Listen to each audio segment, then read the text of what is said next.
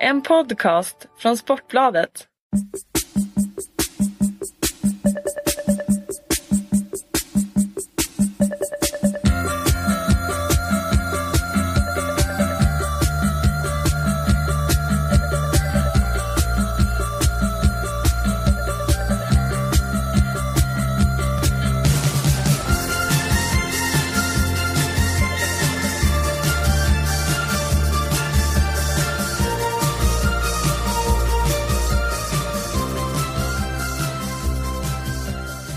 Välkomna alla lyssnare till ett nytt avsnitt av 51% fotboll.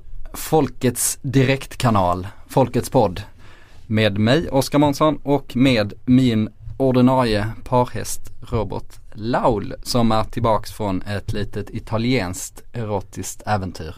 Ja, tack så mycket. Eh, vår direktkanal till folket ska man väl säga att det här är erotiskt äventyr. vete fan, jag var där med morsan och firade hennes eh, 60-årsdag eh, ett år försenat. Hon åkte på bröstcancer stackarn när vi skulle åkt förra året. Så vi fick skjuta på resan ett år men nu fick mamma återse sin ungdoms favoritstad 38 år efter hon var, var där första gången och blev förälskad i stan. Så tog jag med henne till Rom och vi fotograferade henne på, på samma bro som vi, hon fotograferades på när, när hon var där när hon var ung och stark. Så det, var, det var en fin resa på alla sätt och vis. Min lilla syster var med också. Ibland får man lägga allt vad fotbollen och yrket heter vid sidan och, och ta hand om La Familia.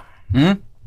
Kul, eh, erotiskt äventyr sa jag för att du eh, skrev en eh, högst surrealistisk bloggpost. Ja just det. Ehm, som eh, vi på något, eller det, den kommer på något sätt bli en slags brygga in i det här eh, programmet eh, kan man säga. Ja, eh, det kommer bli det. Det är väl till och med vårt första ämne. Vi kommer tala om en hel del som alltid i, i den här podden. Vi, vi ska ta, apropå surrealistiska grejer, vi ska ta upp den fantastiska intervjun med Häckens Simon Gustafsson. Varför är du så arg Simon? Vi ska prata om eh, Wettergren, eh, Peter Wettergren, Elfsborgs assisterande tränare som är på väg till FC Köpenhamn. Månsson, du kommer slå fast ett antal saker här, bland annat att tabellen den, den är redan redan klar. Liksom. Man kan sluta spela. Du, du kommer eh, erkänna att du har gått fel i två raka fanskrönikor. Och eh, du kommer göra en hel del andra utfästelser som vi kommer återkomma till. Men vi kan väl börja direkt där eftersom du ändå berörde eh, min Romresa och, eh, och eh, blogginlägget som följde på det. Det var ju faktiskt så att när jag är på väg hem från Rom så kliver jag ut från hotellet för att kolla om våran taxi har kommit. Och jag kliver alltså rakt in i Mattias Balkander som är en fotbollsreporter på GP. Göteborgs-Posten som jag har känt eh, i ganska många år liksom. Och vi, vi befinner oss alltså här på en främmande gata i en stor stad med tre miljoner invånare. Om jag hade gått ut 10 sekunder senare så hade jag missat Balkander. Hade jag gått ut 20 sekunder tidigare hade jag också missat Balkander. Men jag kliver alltså rakt in i Balkander och hans fru där och, och eh, Ja, sånt händer ju bara inte. Har du varit med om något sånt? Men är det inte lite det man alltid är med om när man träffar någon spontant? Ja men i Rom, var, varför, just, varför är vi där samtidigt? Vi känner varandra så går vi bara rakt in i varandra. Ja, det är konstigt. Jag har en, eh, en, en grekisk vän i Aten eh, som var och hälsade på här i Stockholm för ett tag sedan. Eller för ett par år sedan och sen skulle jag åka till Aten, stanna där eh, två dagar. Eh, och då ville han ju visa upp stan för mig men jag var där med min eh, flickvän och vi skulle bara, bara vara där i två dagar så vi tänkte nej och sen skulle vi vidare då till eh, lite södra delar av Grekland. Så jag kände att nej fan jag, jag kontaktar inte honom. Även om han ville det liksom. Och så mellanlandar vi i Wien och då träffar vi den här Fottis som han heter. Då träffar vi honom på planet från Wien för han hade varit på någon slags konferens. Var det en grekisk journalist? Nej det är en grekisk eh, kompis bara. Okay, eh, det... Som jag för övrigt, eh, då, då ville jag ju inte träffa honom, då fick ah. jag dåligt samvete. Men eh, nu var jag faktiskt i, i Aten igen för två veckor sedan och då, eh, då hade vi ett par bättre kvällar där ihop. Så nu har vi lappat ihop det där igen. För Fotis hette ju en, eh, kanske ett vanligt namn i Grekland, vad vet jag, hette ju en, en lirare som alltid höll på att hörde av sig till, hit till Sportbladet med massa mer eller mindre träffsäkra teorier om svenska spelare som var på väg till eller från Grekland eller grekiska spelare som eventuellt var på väg till Sverige. Det var inte ofta något av det han sa, sa stämde men han av sig jävligt ofta i alla fall. Så jag tänkte att den här gubben, i så fall förstår jag varför du inte vill träffa honom. Nej det här är en, eh, en grekisk George Clooney typ som jobbar inom läkemedelsbranschen och, ja. och, och åker runt i, i världen. Sådana är också bra att känna. Ja. Eh, I alla fall det här fick mig att, att, att freebasea lite i min blogg eh, det här mötet liksom. Var, fanns det något högre syfte med det här liksom? Var det egentligen meningen att jag och Balkander liksom skulle firat våren ihop i, i Rom, suttit, eh,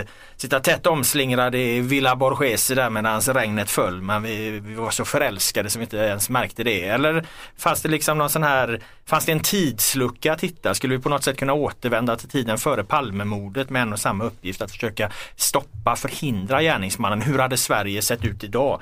Eh, det går egentligen att dra det hur långt som helst vad, vad ett sånt här slumpartat möte eh, eh kan leda till. Men det, det fick mig kan också... Du inte, kan du inte skicka in ett eh, löst manus till Christopher Nolan?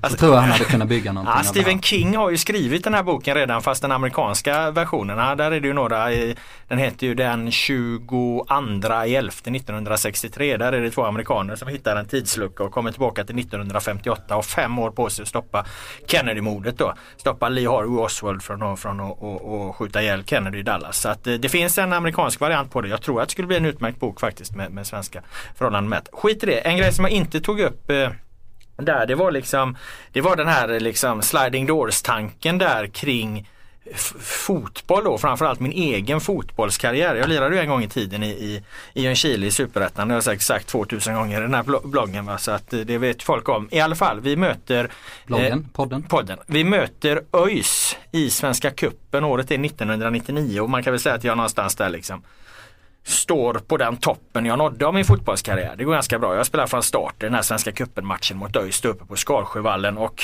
eh, vi börjar bra. ÖIS är ju allsvenskan då att vi är ett division 1 södra lag det året innan superettan startar.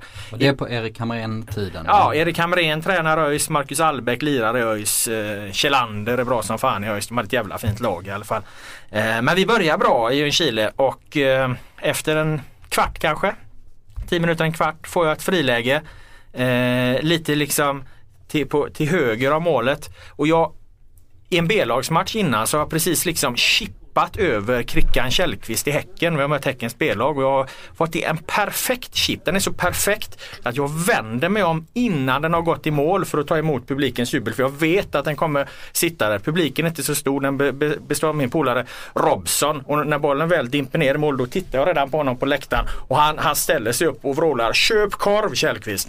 Så att den, den satt ju redan där. Det är, det är ganska hårt tycker jag med tanke på att Källqvist måste varit 15 eller 16 ja, år gammal. Jag tror det var han som stod i alla fall. Kim Källström är med är med, jag vet inte om han var med och spelade men han var med och kollade där i alla fall. Det var en jävligt fin lobb. Och jag tänker, eller jävligt fin chip. Jag tänker ju exakt samma sak mot Dick Last då tror jag det är som är målvakt så Lika säker på att sätta den men jag tror inte Last han får ut en hand liksom och räddar det här friläget. Vad hade kunnat hända med min fotbollskarriär om den här chippen hade gått i mål? Jag hade gjort 1-0 på på ÖIS inför Hamrén mot Albeck. Det är ju de som är förbundskaptener i landslaget idag. Och då, eh, och då lastar du alltså Dick för allting? Kan man säga. Om det nu var han som stod med för mig att det, att det var det i alla fall. Eh, jag hade för, för antagligen liksom det hade lett till att jag tidigare hade fått en, en, en fast plats i en Chiles startelva. Sen kommer superettan, bla bla bla och så vidare och så vidare. Och så vidare. Ungefär så liksom kopplar jag ihop mitt så här slumpartade möte med, med Balkander i Rom. Att det kan ibland vara så det kan finnas de, små definierande ögonblick. Vad tar livet vägen efteråt? Hade chippen suttit? Vad, vad, vad, vad hade jag suttit här idag då? Det kan man inte veta. Mitt och Balkanders möte, vad var egentligen meningen? Det finns så många, många liksom vägar tankarna kan skena. Men framförallt tänker jag på, på den här chippen. Hade jag suttit här idag om den hade gått i mål? Det är inte helt jävla säkert Oskar Månsson. Det känns som du har en sån här föreläsarkarriär på gång. när man bara snackar tomt om absolut ingenting. ingenting. Och så ställer man bara frågor till, till de liksom, konsulterna här på Ja, konsulterna som har betalt eh, 15 000 inklusive en racksmörgås för att få lyssna på ditt, eh, ditt, la, ditt lösa, lösa svammel. Nej, nej men riktigt så är det väl inte. Men det är klart att det måste ju finnas mängder av fotbolls eh, ögonblick. Mängder av spelare eh, som har, har haft sådana här ögonblick i sina karriärer tänker jag. Liksom, där, där det är ett missat skott, en olycklig skada eller vad fan som helst eller? Mm, ja verkligen. Det är ju, menar, i, i sportsammanhang så är det ju eh, det tacksammaste som finns att spekulera i, i sånt här. Eh, Tony Flygare har ju byggt ja, en hel det, det medial karriär kanske. på att ja, han eh, tog en straff och missade den och Malmö åkte ur och i samma ögonblick man gillar ju den dramaturgiska vändningen, sen stämmer inte det riktigt såklart. Men i samma ögonblick gick Zlatan förbi och sen blev Zlatan en världsstjärna och Tony Flygare eh, försvann För flygare var Rakt. mer lovande då än, än eh, Zlatan och så bommar han den här straffen. Ja och det var han ju faktiskt också, åtminstone något år innan. Han hade, under åren innan så hade ju han varit eh, kanske den största talangen i, i landet. Han spelade i alla pojklandslag, han gjorde alla målen och, och sådär. Men vad tror du då om han hade satt den här straffen? Hade hans karriär, hade det blivit en skillnad i hans karriär tror du? Eller? Ja men just där skulle det säkert kunna bli det. Eh, däremot eh, så har jag ju jäkligt svårt att säga att Tony Flyga skulle ha en, eh, en lång framgångsrik elitkarriär bara för det. Men Han kanske... hade inte haft en Zlatan-karriär. Nej det hade han ju definitivt inte haft. Ehm, eh, men han kanske hade hankat sig kvar i toppfotbollen lite längre. Men där var det ju uppenbart att det var ju liksom karaktären som, som brast. eh, för att det var ju faktiskt inga skador som stoppade honom utan det var ju upp till honom själv och han testade ju massor med olika klubbar och gick liksom bara lång, långsamt neråt. Eh, men eh, visst, det är, en, det är en bra sliding doors eh, känsla på den. Man skulle kunna göra ett manus på den. Anders Svensson, VM 2002, förlängning Senegal, snurrfint, skott i stolpen. Den- Om det sitter, Ja, den är ju, var är vi då? Ja den är ju fruktansvärt bra. Eh, för att eh, Offside gjorde ett nummer på det här, alltså tidningen Offside, för ett antal år sedan och då spekulerade de fritt och, och eh, liksom gjorde någon slags parallell historieskrivning. Så här kontrafaktiskt tror jag det heter om man, eh, om man skriver den typen av litteratur till exempel. Eh, men då, då hade de ju liksom tagit Anders Svenssons karriär och då var han ju verkligen på topp. Han hade sänkt Argentina, eller han hade knorrat in en boll mot Argentina som gjorde att Sverige slog ut dem och då var ju Argentina favoriter att vinna hela VM. Ehm, och i deras historieskrivning så eh, skrev Anders Svensson på för Barcelona till samma höst och sen hade liksom en lång karriär i världstoppen. Eh, och den kanske inte var så dum. Nu Nej kan... det tror inte jag faktiskt. Jag menar fan Anders Svensson Han hade var åtminstone- en jävla, eller är fortfarande en bra fotbollsspelare och, och det var nog inte så mycket som liksom skilde honom ändå för, från att han hade blivit en av de, de, de riktigt stora eh, i Sverige. Jag menar han, han levererade, han var ju nästan alltid bra i landslaget i, i, eh, i stora matcher. Så att jag menar bevisligen kunde han prestera på den nivån. Men för att du ska ta steget liksom, för att det inte ska bli Southampton utan det ska bli Barcelona. Då krävs det kanske att du liksom gör en snurrfint i en VM-åttondel och, och, och drar in bollen i, i, i närmsta krysset. Mm. Och där var det väl framförallt Förmodligen hade han ju varit liksom precis under den nivån. Alltså han hade kanske inte riktigt räckt till på absolut högsta världsnivå. Men spelmässigt hade han ju passat perfekt i Barcelona. Han älskar ju det här. Han är liksom född för att spela ett triangelspel. Men Snarare fan, än att handla i Southampton. Anders Svensson bakom eh, Xavi och Iniesta vet du, det har inte varit så jävla dumt. Jag tror han hade fungerat rätt bra. Där hade du till och med du eller jag antagligen inte gjort bort oss eftersom man hade haft två så bra gubbar bredvid sig. Nej men alltså. Hade det inte eh, varit för Dick Last så hade Ja, du och exakt. Anders Svensson. Då hade jag också legat här. Nej, men Jag hade hoppat tror in utan korsband. Hade, hade, hade varit klockren eh, strax bakom där i någon Busquets roll. Alltså, absolut. Det tror, Han- han, det tror han hade hanterat och gjort bra. Sen så finns det sådana som är mycket bättre i så att då, det hade inte blivit han. Om han nu inte då hade, skulle ha satt det här skottet då kan man liksom låta tankarna fara iväg och, och, tro att faktiskt inte hade varit helt orealistiskt. Jag köper offsides tanke där. Ja du gör det. Ja han hade i alla fall passat bättre i en, i en, än i ett långbollande Southampton Ja det får man ju definitivt säga. Sen tänkte jag på det faktiskt. Eh, vi har ju ett VM-brons från 94 Mm. som är den givna höjdpunkten i svensk fotbollshistoria kan man säga. För att OS-guld 48, VM-silver 58 är ju också stora men eh, då, då såg ju fotbollskartan lite annorlunda ut såklart. Eh, eh, men om vi går tillbaks till 2002 hade Sverige vunnit mot Senegal, Mm. vilket de då var en stolpträff ifrån att göra, så hade Sverige mött Turkiet, Turkiet i kvartsfinal. Ja. Ja, då hade vi nog haft ett, ett nytt 94 där med, med, eller ganska goda chanser till att ha det i alla fall. Turkiet hade inte varit omöjligt alls för Sverige att Ja verkligen inte. och- och Sverige, besegra, va? Sverige hade kommit före dem i kvalet till, Ja. till VM där. Hade spelat 0-0 i en usel match Ja, två år tidigare i EM. Så det var ju minst, ja det var ju en 50-50 chans. Till och med att Sverige kanske hade haft lite edge på den med eh, Lagerbäck som är bra på, på den typen av motstånd. Ja, och Liksom. sen en repris på semin 94 då mot Brasilien. Turkiet hade väl, eh, Mm, och sen eller var det Tyskland som hade Turkiet? Nej jag tror det var Brasilien men då får man väl utgå från att Sverige kanske hade haft, eh, ska vi säga 10% chans att vinna en sån Mm. semifinal. Men i fjärde, eller tredje prismatchen, ja, Sydkorea. Ja just det. Det är liksom, det svindlar lite när man tänker på det så med tanke på att Sverige är så oerhört långt ifrån eh, att liksom Erik Hamrén Ja, att drö- den ska gå till VM nu. Erik Hamrén drömmer om en medalj som han sa när han kom in men det framstår, och även om det var mer en vision än ett, ett mål så framstår det lite löjeväckande nu med tanke på att, eh, att, att bara ta sig till VM är, är, näst, är nästan övermäktigt för oss uppenbarligen. Har vi några allsvenska eh, sådana sliding doors moment eller eh, där som vi kan komma på? på, på Jag funderar lite på det. Jag har ju ett, liksom ett omvänt sliding doors moment. Och Var fan hamnar vi då? ja. Ja, det, var, det är mer closing doors Ja, kan man säga. Det var ju Andres Vasquez som gjorde den här otroliga rabanan eh, när han spelade som eh, ytter, yttermittfältare. Han var väl inte mer än, vad kan han ha varit, 19 år. Han Mm. gjorde det mot Örebro på bortaplan. Ett eh, YouTube-mål av utav Guds nåde eh, som fick honom att tappa koncepten helt. Eh, och eh, lyckades egentligen inte slå sig in i Göteborg överhuvudtaget. Och sen har karriären bara gått käpprätt. Och nu läste jag att vår kollega Marcus Vulkan bloggade om att han hade hoppat in i en division 7 match som de vann med 7-0. Eh, en annan som hoppade in i den matchen var Andres Vasquez pappa, 57 år gammal och laget coachades av Andres Vasquez. Eh, så det har väl gått lite ut för honom. Ja det får man säga. Men vad du menar är alltså att eh, det hade varit bättre om den eh, Rabonan hade gått över? Ja, jag tror det.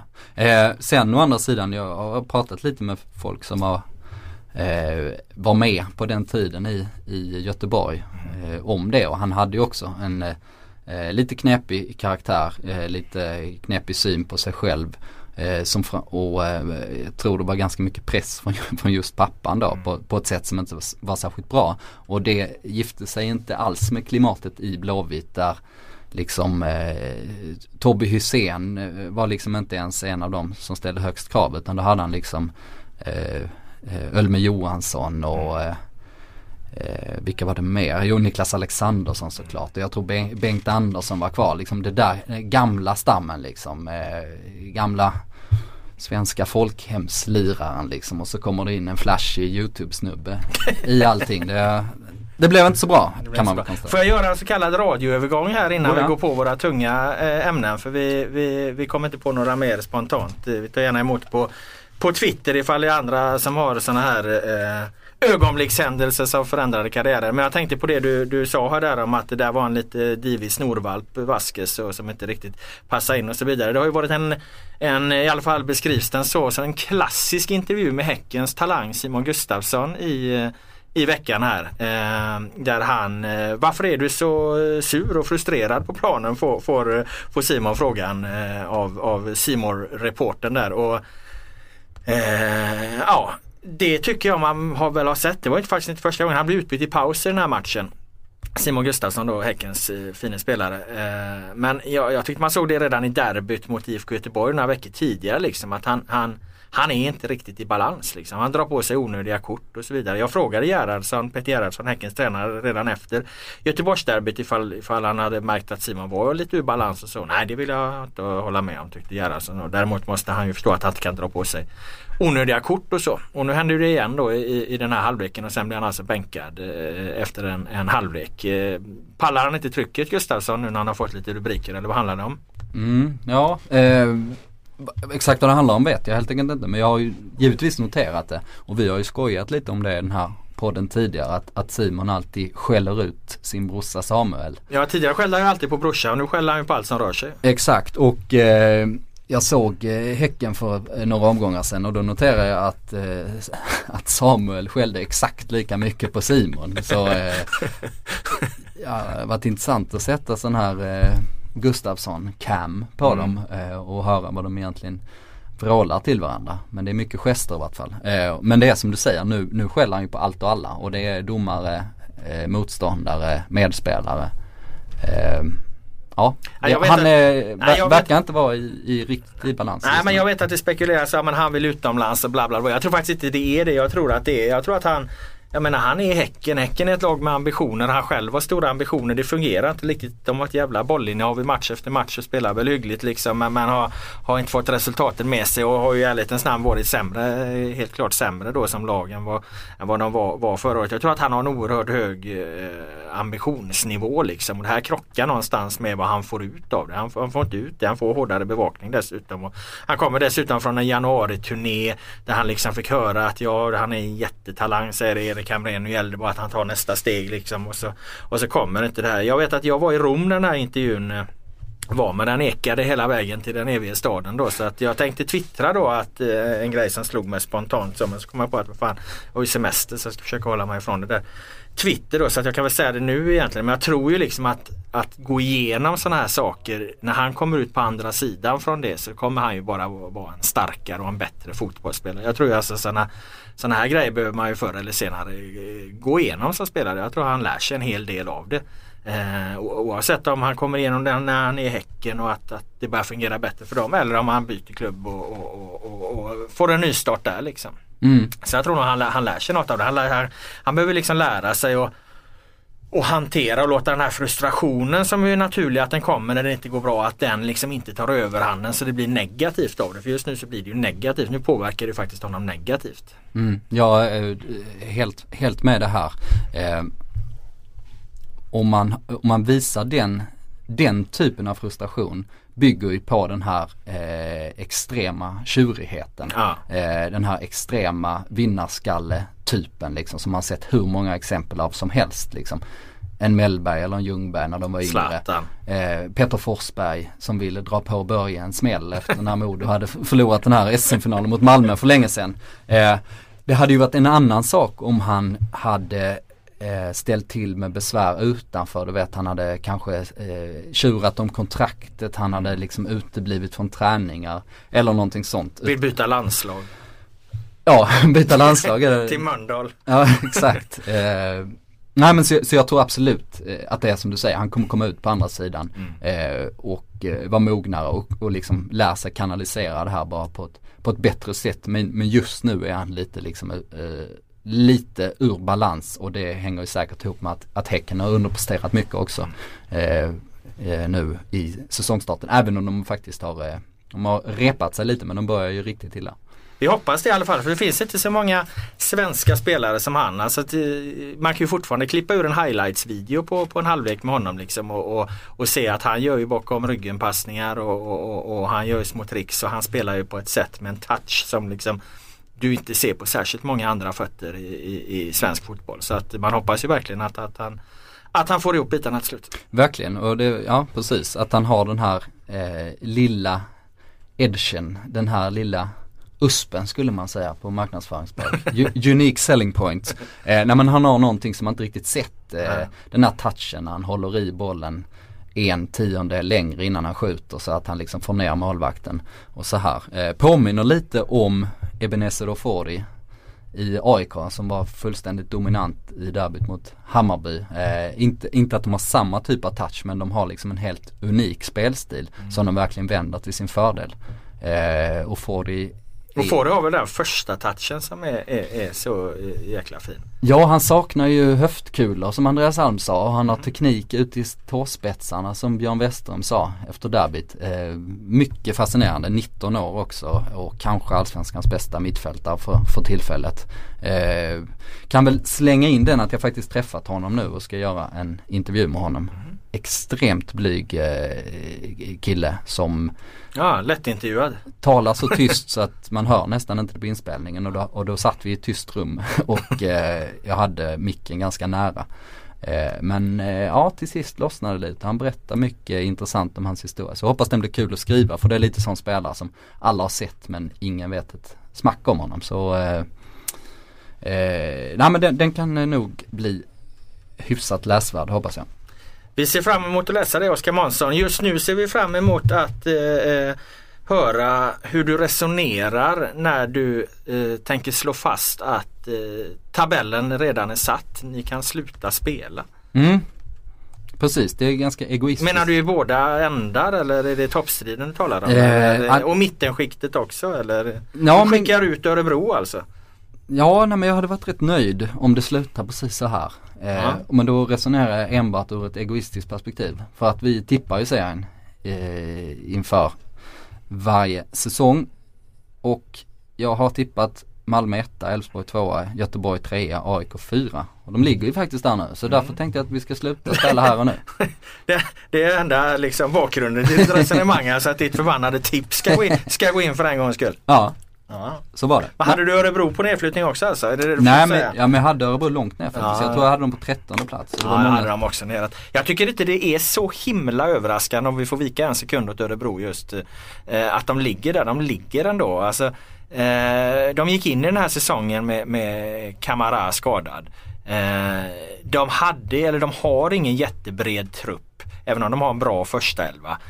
Man, man, man, man får aldrig låta sig luras egentligen av Svenska cupen-matcherna för att även om Svenska cupen är ett otroligt fall framåt för Svenska cupen och att det är ett otroligt fall framåt för eh, eh, försäsongen så är det ändå aldrig riktigt på riktigt alltså. Men jag tror inte Malmö hade förlorat den här matchen mot dem om de hade varit i, i full gång i Allsvenskan och så. Alltså det, det är fortfarande inte det, det är 90% men det är ändå inte 100% fastän det är eh, Svenska cupen. Jag inbillar mig ändå det alltså.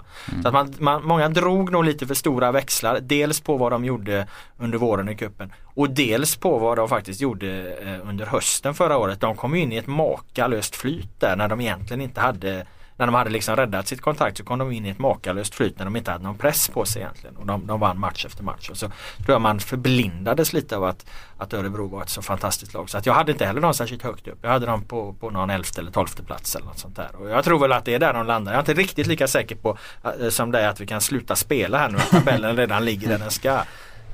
Även om jag nog tror att Halmstad får svårt. Ja, ja.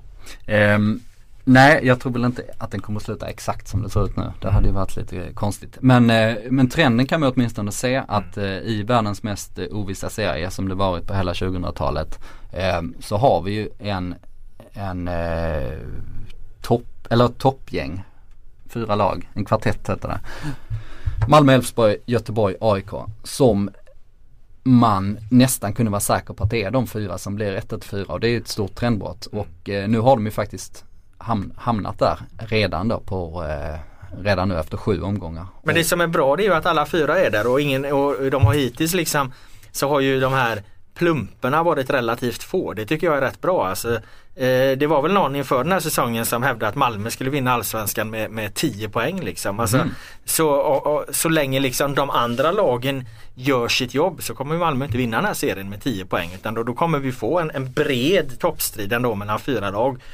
Dessutom liksom de tre stora från de tre stora städerna plus Elfsborg som ju ändå får räknas som en storklubb med tanke på att de liksom år efter år är med i den, den, den allsvenska toppen. Så att eh, det, egentligen kan det inte bli så mycket bättre för en fotbollsserie att du har liksom fyra lag som, som, som racear där inom relativt få poäng. Det skulle vara fantastiskt om, om vi får ett sånt här fyrkejsarslag hela vägen in i mål. Att ingen av de här, att alla de här, eh, att de vägrar vika ner sig helt enkelt. Att de håller fok- fokus uppe och koncentration uppe och går ut och gör jobbet. För att de är ju bättre. De ska ju vinna majoriteten av sina matcher. Mm. Ja, när man kan hoppas på att det blir så jämnt. Jag håller med den här personen som tror på Malmö eh, ska vinna med 10 poäng. Men, eh, men jag Var det inte du? Jo, det var jag. Say hello to a new era of mental health care. Cerebral is here to help you achieve your mental wellness goals with professional therapy and medication management support. 100% online. You'll experience the all new Cerebral Way, an innovative approach to mental wellness designed around you. You'll get a personalized treatment plan from a therapist, prescriber, or both in a safe and judgment free space. Your Cerebral therapist or prescriber will outline a customized plan with clear milestones along the way so you can get to feeling your best. With Cerebral, you're not alone in your mental health journey. We're here to empower you to live a fulfilling life. So take that first step towards a brighter future and sign up today at cerebral.com slash podcast and use code ACAST to get 15% off your first month. Offer only valid on monthly plans. Other exclusions may apply. Offer ends July 31st, 2024. See site for details. Eh, men, så jag höll med mig själv där. Ja. Men nu har jag testat, medan du var i Rom, så har jag testat rollen som supporterkrönikör Ja. Um, det är väl ett del i vårt paket nu när vi ska skriva mer om supportrar att vi bestämde det. Att vi, vi testar och ser hur mycket ingångar. Och... Sjögren har väl varit det. Patrik Sjögren, vår kollega, har väl också gästspelat som en sån här supporter analytiker. Ja precis. Jag tror faktiskt det var att han var påtänkt för den rollen men sen ja. kunde inte han och så befann jag mig i Köpenhamn och så jag åkte jag till Malmö och körde den. Är men, du det för alltid nu då eller? Vi får väl se. Det vet jag ingenting om. Eh, men eh, i vart fall, jag såg Malmö-Helsingborg och dagen på, i söndags och på måndag såg jag AIK Hammarby och så skrev jag då krönikor utifrån eh, hur det har sett ut på läktarna och så vidare. Och efter dina två första sådana krönikor så ska du redan backa från dem? Alltså. Ja, jag hade fel båda gångerna. jag har utvärderat. Eh, man skriver ju dem där på slutsignal. Måste man göra det? Eh, ja, i stort sett. Det var väl tanken då att man ska ha en färdig analys med någon slags eh, stringens i eh, bara några minuter efter matchen är slut. Eh, så det kan väl vara en omständighet då. Men eh, som sagt, Malmö-Helsingborg. Jag skrev att Helsingborgs supportrar gjorde en eh, blek insats. Att de inte, de var ju bortalag givetvis eh, och är naturligt underläge. Men jag, men jag tyckte de var eh, väldigt bleka. Ja men var de inte det då? Bilden var väl att hela derbyt var ganska blekt.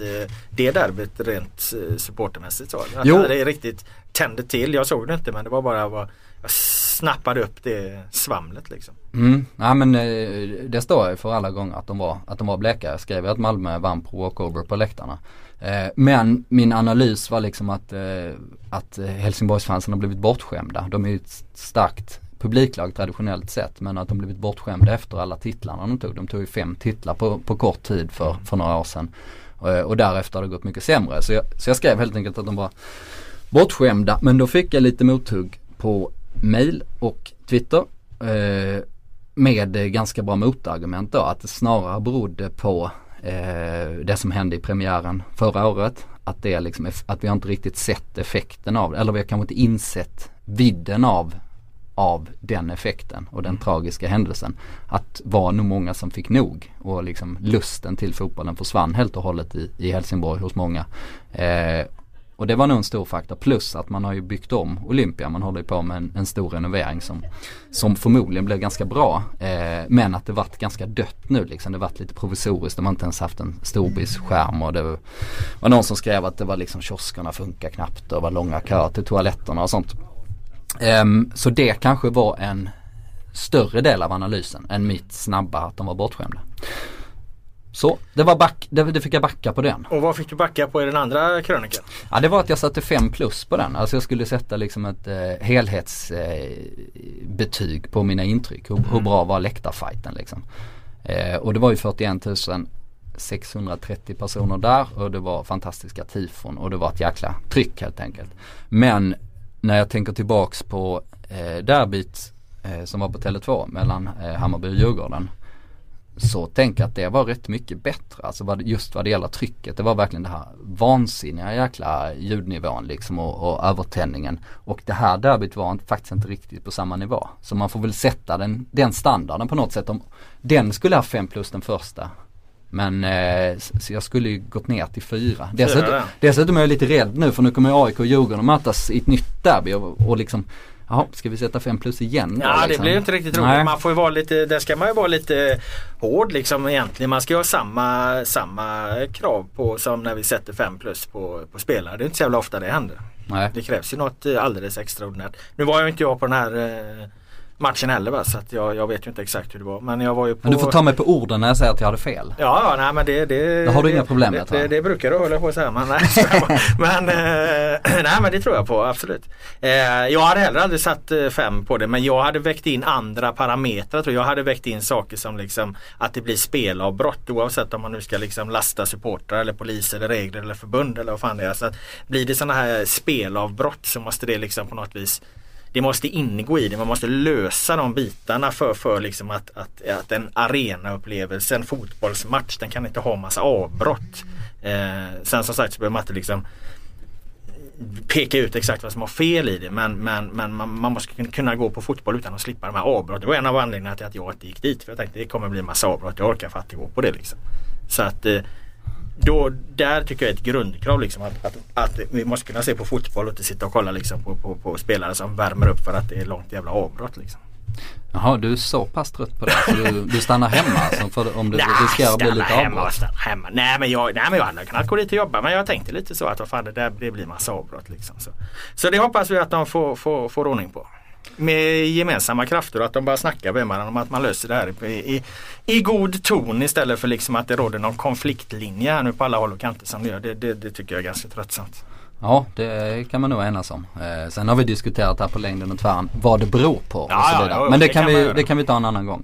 Vi har, eh, vi har rätt mycket granskningar i pipen kan vi väl avslöja. Både du och jag har lite, lite grejer på gång som, som kan bli intressanta. Ja du sitter väl med just eh, Bengalfrågan där ur ett nytt perspektiv och själv sitter jag med Vi tittar faktiskt närmare på hur eh, sociala medier eh, fungerar för de allsvenska spelarna. Vi har gjort lite olika utskick där man fått svara på, på frågor. Alltifrån ifall de upplever att de blir hotade till, till om de tycker att eh, liksom, relationen med supportrar har för, förbättrats. Hur de eh, använder sociala medier och, och Eh, dyker upp en och annan eh, ganska rolig historia när man, när man pratar med, med, med spelarna där och eh, ja, alltså utan att avslöja för mycket kan jag väl säga att den, den, den sammantagna bilden, även om det finns en del elände liksom i, i, i kölvattnet i sociala medier och att tonen ibland framförallt på Twitter kan vara, kan vara, kan vara som den är.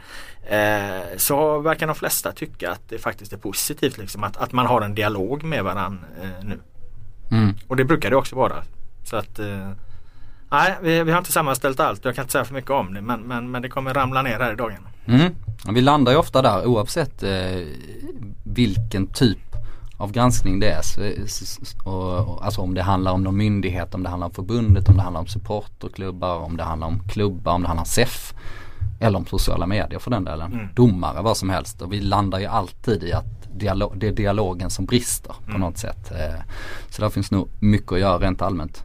Däremot skulle jag vilja komma med ett inspel där när du säger att du är fanskrönikör. För att, eh, alltså, vi, vi har ju tagit beslut då att eh, vi ska skriva mer om eh, supportrar eftersom vi har märkt att det finns ett eh, stort intresse kring kring de bitarna. Eh, det blev också ganska liksom enkelt att välja inriktning på hur vi skulle ta upp det eftersom det har varit en, en lugn och, och, och bra start på, på den här allsvenska eh, säsongen. Det har liksom inte varit massa stök och så. Det, det största problemet har väl egentligen varit liksom de här bengalerna oavsett vad man, vad man tycker om dem då. Men det, det, det, det har väl varit det liksom som anses som, som problemet. Plus att eh, eh, vissa andra medier tyckte jag tog en lite knasig, knasig vinkling liksom när de ganska kontextlöst liksom Ja nu är det allsvenska, då blir det våld ungefär. Och så har det inte blivit det. Liksom. Då, då tycker jag att vi gjorde mer rätt då som, som riktar in oss på att faktiskt lyfta de positiva delarna som tifon och så vidare.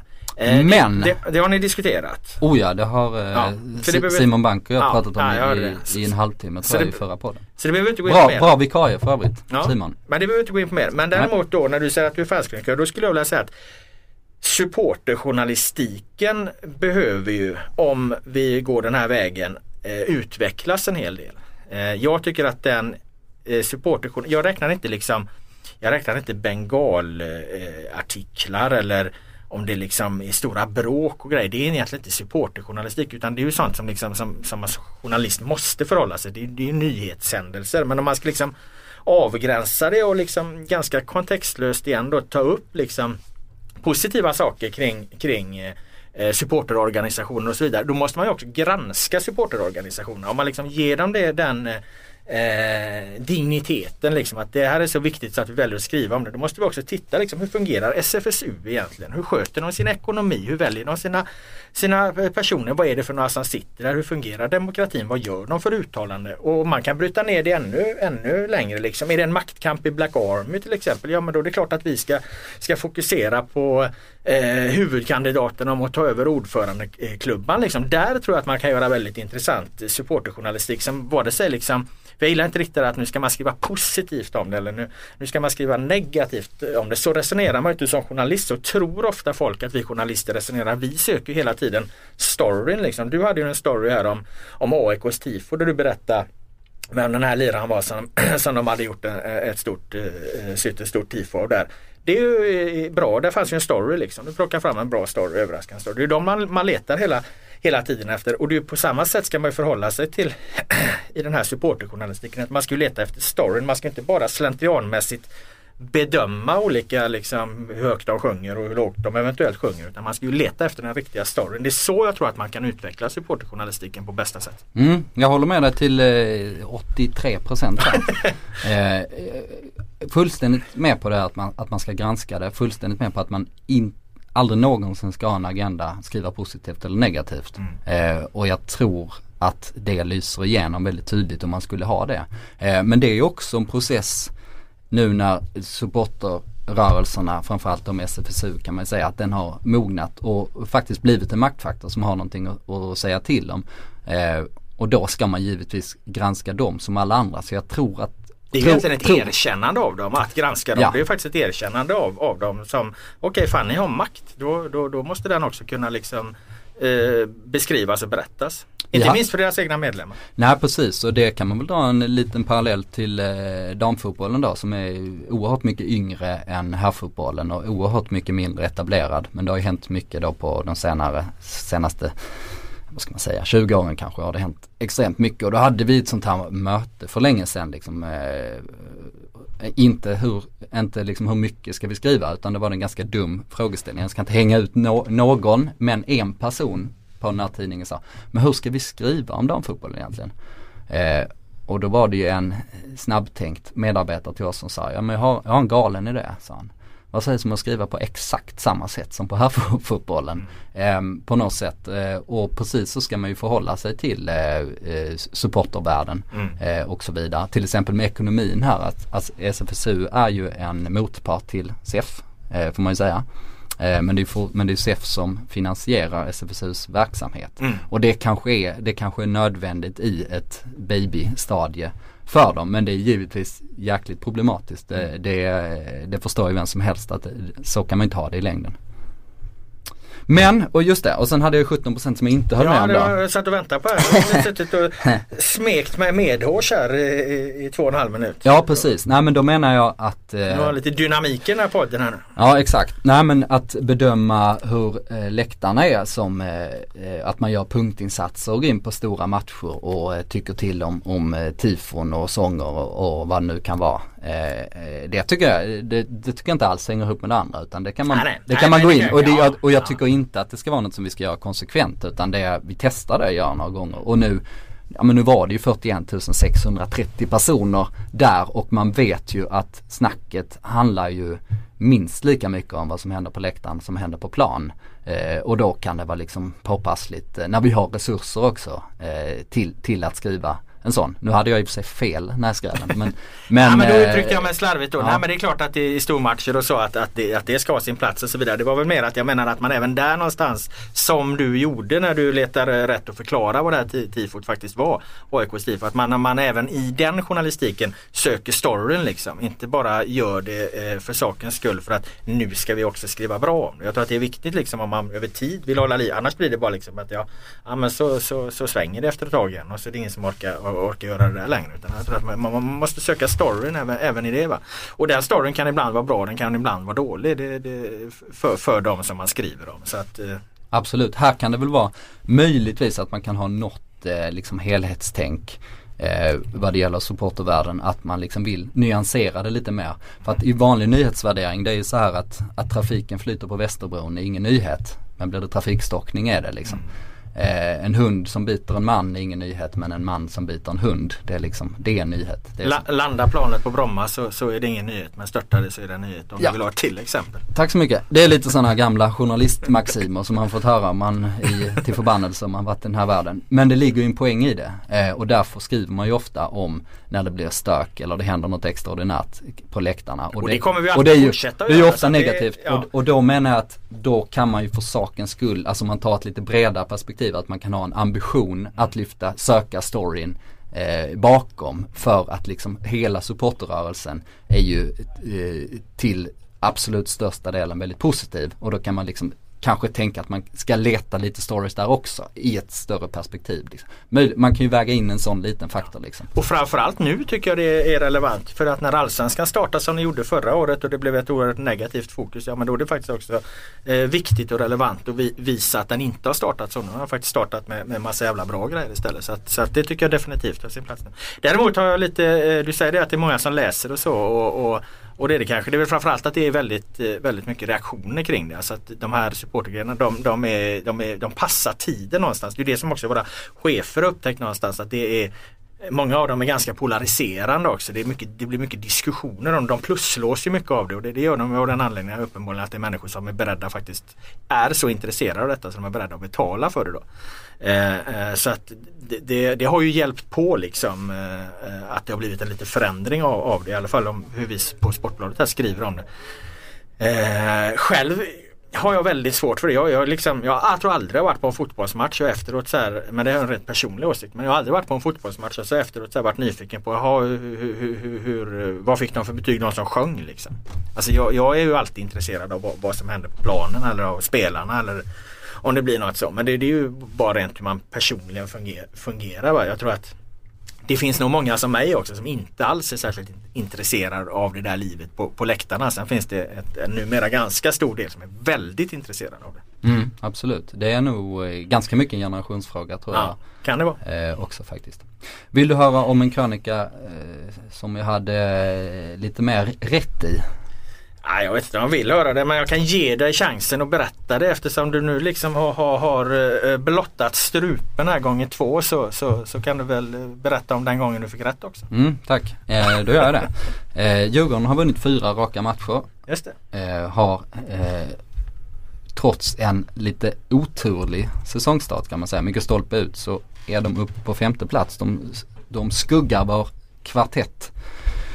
Ehm, och inför säsongen så skrev jag en eh, krönika där jag hyllade Bosse Andersson och eh, sportchefen och eh, Pelle Olsson och de andra i gänget för att de gjort en helt briljant CD season. De hade nästan inga pengar att röra sig med. Eh, för 6 miljoner fick de in ett helt gäng riktigt intressanta spelare. De sänkte till och med lönekostnaderna totalt sett och hade en till och med en bättre trupp och framförallt liksom en utvecklingsbar trupp som man, man kan eh, ja, få avkastning på senare. Och så vidare. Och då var det många som tyckte jag överdrev. Men jag kanske har lite rätt än så länge då. För att de här värvningarna har ju verkligen gått rakt in. Och eh, Djurgården spelar riktigt bra och ser ju faktiskt bättre ut än vad de gjort på många herrans år. Är det inte bara att de har vunnit matcher de definitivt faktiskt också ska vinna nu? Jag var på den här Eh, ödesmatchen och vändpunkten liksom mot, mot eh, Kalmar där de vinner med, med sliding doors. Ja kan man säga. Där de vinner med, med 1-0 efter ett, ett sent mål och, och, den, var ju, eh, den var ju häftig på många sätt den matchen just för att det var så, så mycket eh, som stod på spel. Jag ska plocka fram en minnesbild från den nu ett par veckor senare. Då ser jag ju bara när, när målet kommer då eh, av han som har ett eh, namn som du får hjälpa mig med. Nysh Nyasha Mushekwi. Nyasha Mushekwi, ja han, han gör ett av många mål som han har gjort eh, den här säsongsinledningen och hela liksom djur, alla Djurgårdsspelare är liksom inne i nätet och jublar och, och, och, och firar mot klacken. Va? Det, var, det var en oerhört förlösande mål som man brukar kalla dem för det. Va? Och någonstans där vänder det ju. Sen, sen vinner de ju, har de ju vunnit klart ett par matcher efter det. Va? Men det har väl också varit segrar som de ska ta. Eller? Mm. Jo absolut. Eh, men det är det som jag tror att Pelle Olsson är bra på. Mm. Att de har liksom alltid en, eh, en, en liksom en normal nivå. Han, han får ut lite mer av sina lag än vad han borde få så att säga. Däremot är han ingen vidare coach kanske. Han kanske inte är den som vinner Svenska Kuppen eller får sådär kraftig derby. Eh, kraftigt övertag i, i derbystatistiken. Men den här långsiktigheten att man alltid presterar lite bättre än vad man kanske förväntar sig. Det är ju Pelle Olssons eh, absolut bästa grej. Och det är ju inte så dumt i en serie får man ju säga. Det är det inte. Eh, jag lovade innan vi satte på bandspelarna att jag skulle hålla ut den här podden eh, under fyra snusar. Nu har de fyra snusarna gått. Oj. Vi har inte nämnt Malmö knappt. Vi har inte nämnt eh, IFK Göteborg som också högt upp eh, i tabellen. Eh, har du några reflektioner där efter derbyt? Malmö överlägsna mot eh, Helsingborg. Ja, Malmö väldigt, väldigt bra. Eh, det var 14-5 i skott på mål och det var 14 ja, nej, alla var väl inte i bra lägen men det var eh, nio av dem var i bra lägen och Helsingborg hade liksom ett ordentligt avslut. Sen var det lite, lite långskott. Så det var, det var ju klasskillnad och eh, Eikrem gör sitt första mål. Ja. Det var viktigt för honom. Ja. Sliding doors moment. han gjorde ju två mål till och med. Ja, två mål var det kanske. Och han sa efteråt att han blev väldigt, väldigt, väldigt, väldigt glad sa han eh, efteråt. Ja men jag såg det på sammandraget eh, på första målet där att det, det kändes verkligen som det var något som släppte där. Det var ju lite Tardelli-firande över det där målet nästan om man ska överdriva. Mm. Nej han eh, fick ett klassiskt glädjefnatt. Nej men Malmö var, eh, var överlägsna i den matchen. Eh, och då har ändå Helsingborg inlett säsongen ganska bra. Eh, inte publikmässigt. Det var ju till och med så att Henrik Larsson har gått ut och vädjat till fansen nu att de ska komma och stötta helt enkelt. Eh, Göteborg har ju blivit en eh, vinstmaskin kan man säga. Det behöver inte alltid se så bra ut men de får hem sina poäng till sist. Mm. Möter Kalmar på fredag. Ja det gör de. Hade gärna varit där men Kalmar en fredag. Så jag skulle vilja säga att det, jag ska skriva den matchen nämligen. Då måste du I och med att jag åka ikväll borta lite så, så, så, så, Men Kalmar, att ta sig till Kalmar det är ungefär lika krångligt som att ta sig till, till för att se Mjällbys matcher nere på Listerlandet och, och, och där tar ju vägen bokstavligen slut vid deras arena. Eh, så Kalmar är ett helvete att ta sig till vare sig du kör bil, eh, flyg eh, eller eh, och tåg. Eh, möjligen skulle man kunna ha någon form av helikopter för att eh, ta sig dit. Va? Men, Mm. Nej, den får vi ta framför tvn och sen siktar jag in mig på seriefinalen eller vad vi ska kalla det, toppmötet. Eh, Elfsborg-Malmö FF på Rås Arena på måndag medan du ska väl till Friends och täcka AIK Norrköping. Mm, det ska jag. Eh, och förmodligen kommer jag gå på ganska mycket mer matcher den närmsta tiden också. Men eh, nu avhandlar vi Blåvitt och Malmö extremt fort. Mm. Eh, och eh, Då behöver vi få återkomma stort till dem nästa gång då efter matcherna vi ser. det kan vi göra. Men det intressantaste i de här fyra lagen tycker nog både du och jag eh, händer i Elfsborg. För Exakt. att eh, Expressen skrev att eh, Peter Wettergren, deras assisterande tränare och något av en chefsideolog är eh, på vippen att gå till eh, FC Köpenhamn. Och det tror vi att det betyder ganska mycket. Eh, ja, lite beroende på hur man ser det. Jag är inte så himla säker på att det, det betyder så väldigt mycket för Elfsborg faktiskt. Jag tror nog att, att eh, Magnus Haglund är där nu och, och han har sätter sin, han har jobbat, jobbade ju innan Magnus Haglund lämnade Elfsborg förra svängen så jobbar han ju väldigt tätt med, med Wettergren. Så det handlar nog inte om att de inte fungerar eller något sånt utan jag tror, tror bara det att Wettergren som har ju alltså varit i, i Elfsborg i eh, ja vad fan är det nu, det är eh, 10-12 år liksom. Varit oerhört länge.